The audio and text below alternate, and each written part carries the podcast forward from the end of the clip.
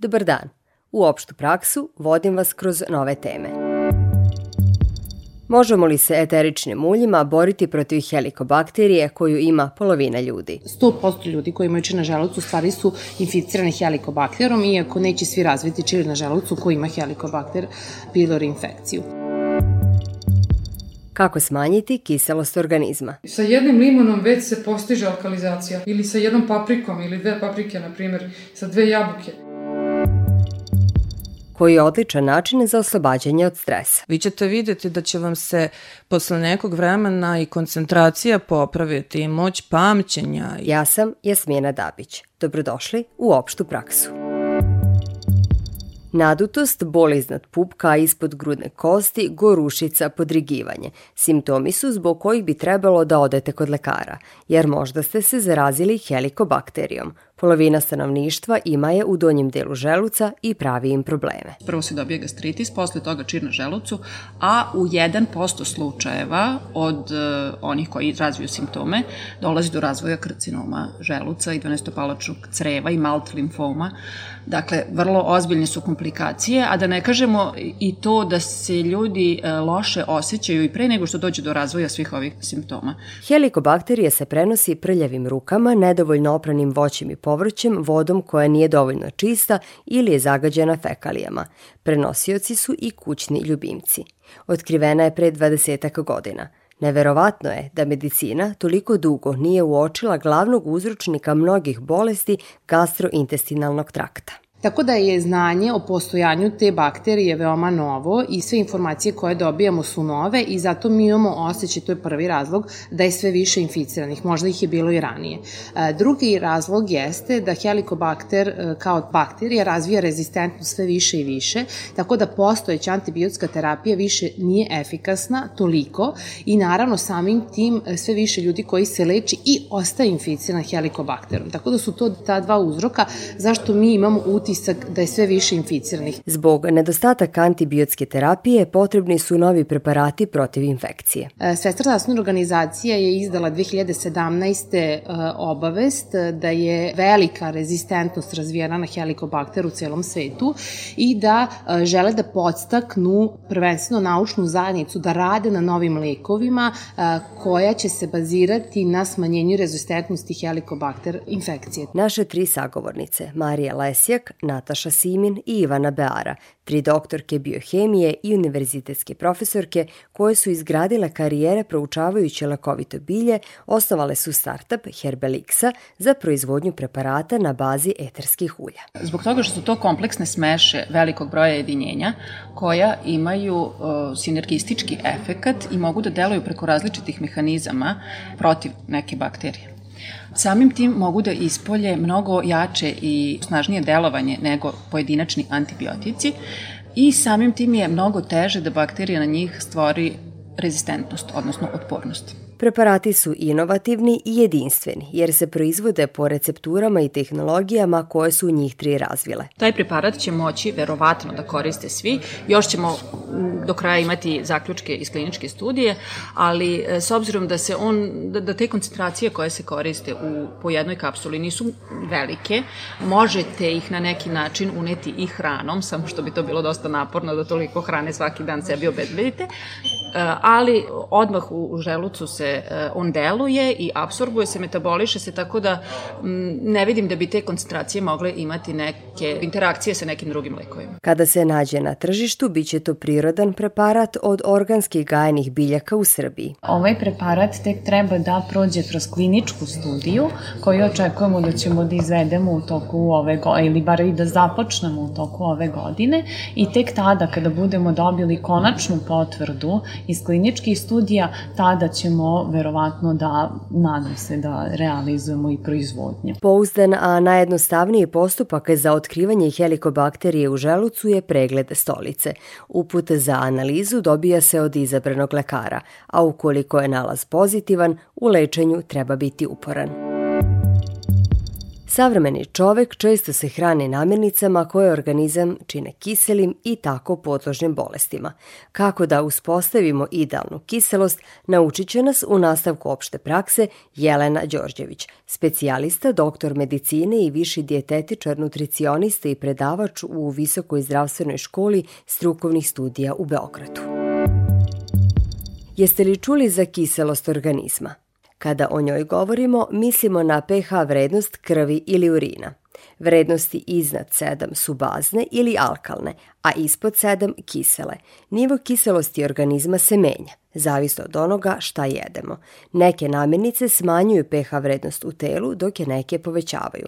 Zato nije sve jedno čime se hranimo. Ono što bi pomoglo većini populacije posebno zdrave, to je da unose više alkalizirajućih namirnica. Te alkalizirajuće namirnice su one koje stvaraju alkalnu reakciju krvi i mokraće, znači ne po ukusu da su alkalne. Naprimer, limon je kiseo, ali je izuzetno alkalizirajući. Mi smo naštelovani da u blago alkalnim vrednostima krvi procesi metabolički najbolje teku. Pa, na primer, razgradnja masti je najbolja kada uzimamo alkalizirajuće namirnice. U alkalizirajuće namirnice spadaju proso iz grupe žitarica – mleko, kefir, surutka i jogurt od mlečnih proizvoda, većina povrća, izuzev graška, pasulja i boba, sve voće osim jezgrastog, šljive i brusnice – Meso, peciva, a pre svega slatkiši, spadaju u kisele ili acidirajuće namirnice.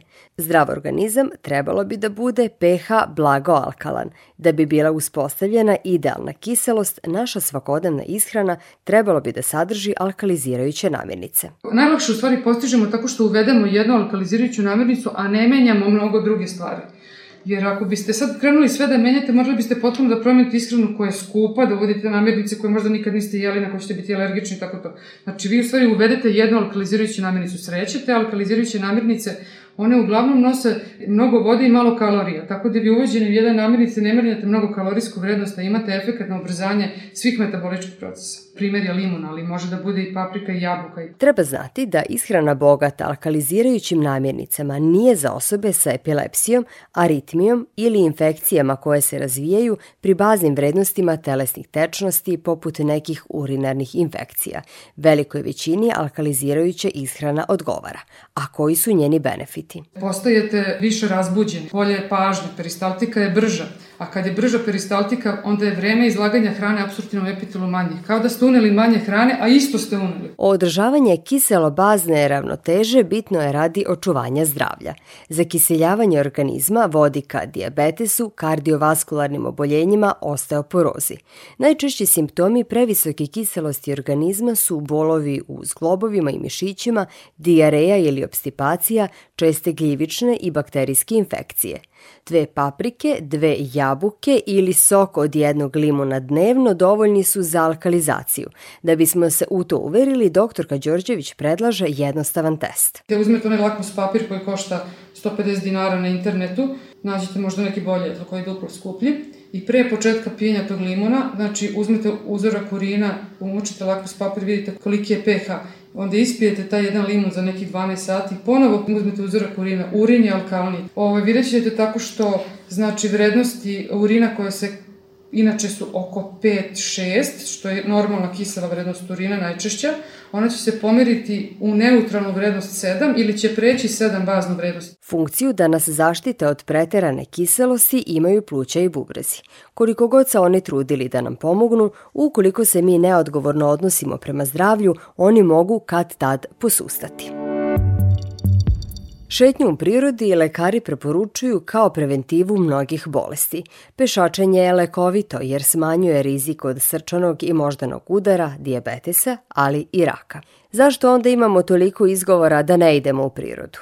To će nam otkriti Ivona Tot iz planinarskog društva Fruška Gora, koje svake subote organizuje šetnje zdravlja na Fruškoj gori, ali i van nje. Vi ćete vidjeti da će vam se posle nekog vremena i koncentracija popraviti i moć pamćenja i da ćete jednostavno vašu telesnu težinu dovesti u neku normalu, a što se tiče krvnog pritiska on se smanjuje, kapacitet pluća se povećava, kad vi šetate i, i gledate sve te predele i krajolike koje se smenjuju pred vašim očima, slušate crkot ptica, vaš mozak automatski šalje poruku vašem telu da se opusti. I vi možda sa te šetnje izađete fizički umorni, ali psihički potpuno, potpuno rasterećeni. Zato ne čudi što osobe koje često šetaju duže žive.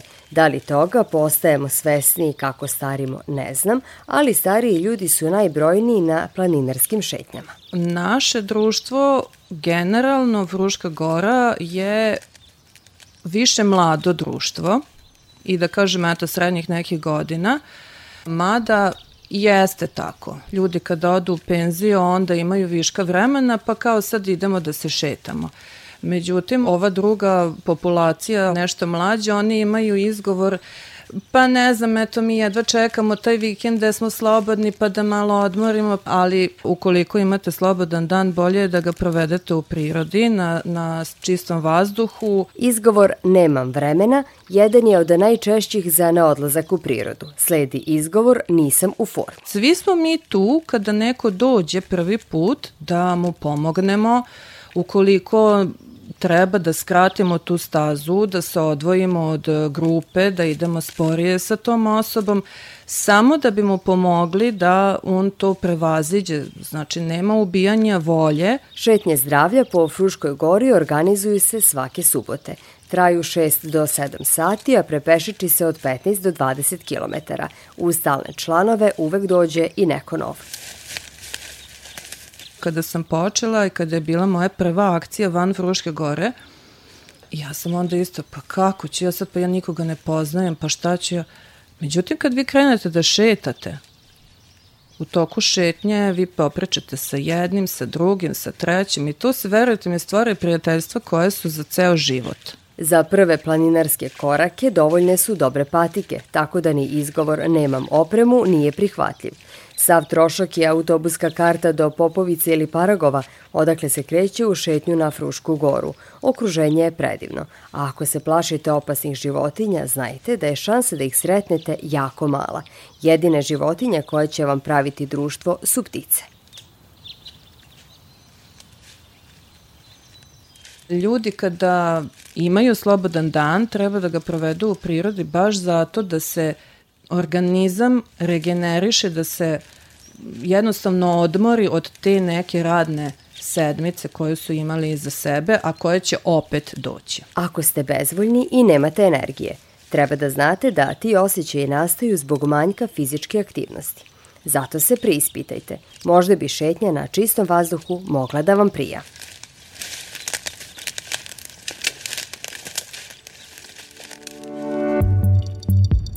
Dođite u opštu praksu i sledećeg četvrtka u 12.15 na Radio Novom Sadu i odloženo na sajtu rtv.rs. Čekaju vas nove zdrave teme. Pozdravlja vas Jasmina Dabić.